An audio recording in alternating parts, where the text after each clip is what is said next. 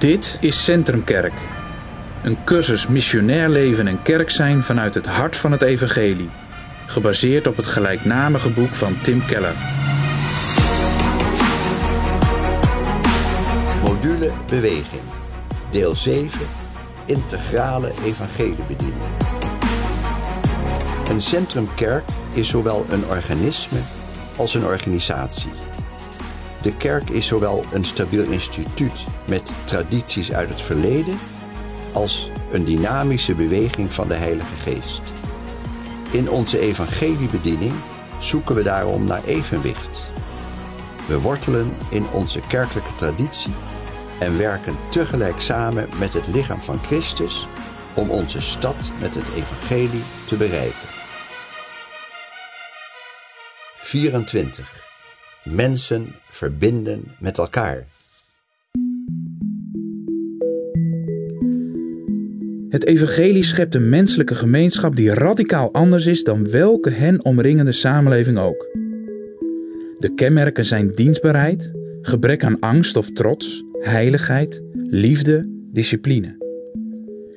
Groeien doe je in diepe relaties en in een gemeenschap waar de implicaties van het evangelie als nergens anders doordacht en in de praktijk gebracht worden.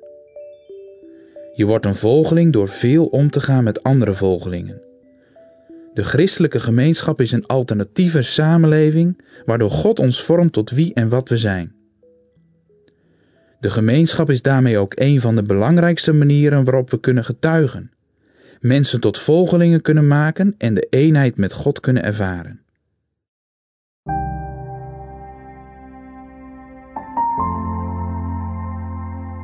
Het geheim van vruchtbare en effectieve evangelisatie is de kwaliteit van de gemeenschap. Zelfs een uitzonderlijk goed karakter kan de waarheid van het christelijk geloof niet bewijzen. Ook het atheïsme en andere religies hebben mensen met een geweldig hoge moraal voortgebracht. Wat de laatste echter niet voort kunnen brengen, is de liefdevolle gemeenschap die voortkomt uit het evangelie. Jezus zegt dat de wereld juist aan onze diepe eenheid kan zien dat de Vader hem gezonden heeft. En dat Hij ons heeft liefgehad zoals God Hem heeft liefgehad. Mensen die anders nooit met elkaar zouden omgaan, gaan binnen de christelijke gemeenschap liefdevol met elkaar om. En diezelfde gemeenschap laat zien dat seks, geld en macht positief kunnen worden ingezet. Een gemeenschap vormt je karakter. De beste manier om een volgeling van Jezus te worden, een discipel met het karakter van Christus, is grote betrokkenheid bij het leven van de kerk, de christelijke gemeenschap. De gemeenschap vormt je ethiek. De meeste Bijbelse ethische principes en regels zijn niet gericht op individuen. Het zijn beschrijvingen van een nieuwe gemeenschap die de geestelijke vruchten van liefde en heiligheid voortbrengt. Veel ethische voorschriften uit de Bijbel zijn erg algemeen, omdat Jezus van ons verwacht dat we als gemeenschap gaan bepalen hoe we die regels gaan toepassen. Samen ben je wijzer, sta je sterker en is het gemakkelijker om je aan de regels van je geloof te houden. De gemeenschap vormt de sleutel tot ware spiritualiteit. Wanneer we elkaar beter leren kennen door met elkaar om te gaan, leren we God ook steeds beter kennen. Evangelie en gemeenschap. Het evangelie helpt ons om een gemeenschap te bouwen. In onze natuurlijke staat, onder de zonde, hongeren we naar eer. We snakken ernaar ons waardevol te voelen en iets te betekenen. Door de zonde gaan we ons superieur voelen en worden we overmoedig, omdat we proberen onszelf te bewijzen en te laten zien dat we wel degelijk belangrijk zijn. Tegelijk voelen we ons minderwaardig en hebben we een gebrek aan zelfvertrouwen, omdat we ons diep in ons hart schuldig en onzeker voelen. Bij sommige mensen vertaalt de honger naar eer zich in grootspraak of trots. Bij anderen leidt het tot minachting en afwijzing van zichzelf. De meeste mensen worden heen en weer geslingerd tussen deze twee uitersten. Totdat het evangelie ons verandert, zullen we mensen gebruiken. We werken en gaan relaties aan omwille van ons zelfbeeld, niet omwille van het werk en de relatie. Ten diepste ontlenen we ons zelfbeeld aan anderen. Maar wanneer het evangelie ons verandert, kunnen we relaties met anderen aangaan omwille van hen.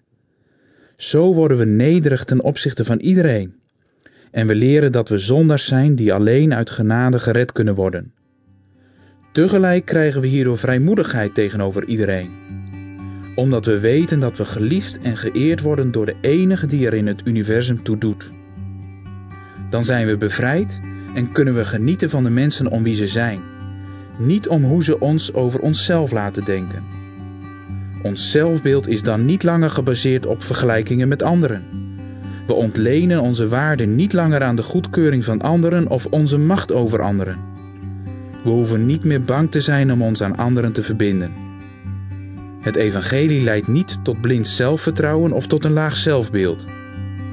Door het evangelie worden we juist steeds vrijmoediger en nederiger. Wanneer we Christus radicale genade ervaren, door berouw en geloof, wordt dat de meest intense en bepalende ervaring van ons leven. Wanneer we dan iemand ontmoeten uit een andere cultuur, van een ander ras of uit een andere sociale klasse, die dezelfde genade kent als wij, zien we iemand die dezelfde leven- en doodervaring kent. In Christus zijn we geestelijk gestorven en opgestaan in een nieuw leven. Die gezamenlijke ervaring van redding kenmerkt onze identiteit, meer dan onze familie, ras of cultuur. Wanneer we mensen spreken die Gods genade kennen, zien we dat hun identiteit meer verankerd is in wie ze in Christus zijn dan in hun eigen familie of klasse. Zo brengt Christus een band tot stand die de vroegere onoverkomelijke belemmeringen in relaties overstijgt. Gemeenschap kun je het beste zien als de manier waarop we de taak die we van Christus hebben gekregen op aarde uitvoeren. Gemeenschap is meer dan het resultaat van de prediking van het Evangelie. Het is zelf een uitingsvorm van het Evangelie.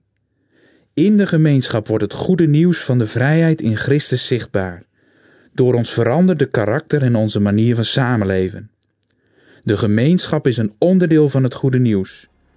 Want het goede nieuws is dat Jezus aan het kruis het volgende voor jou heeft gedaan. Hij geeft je een nieuw leven samen met de volgelingen van God.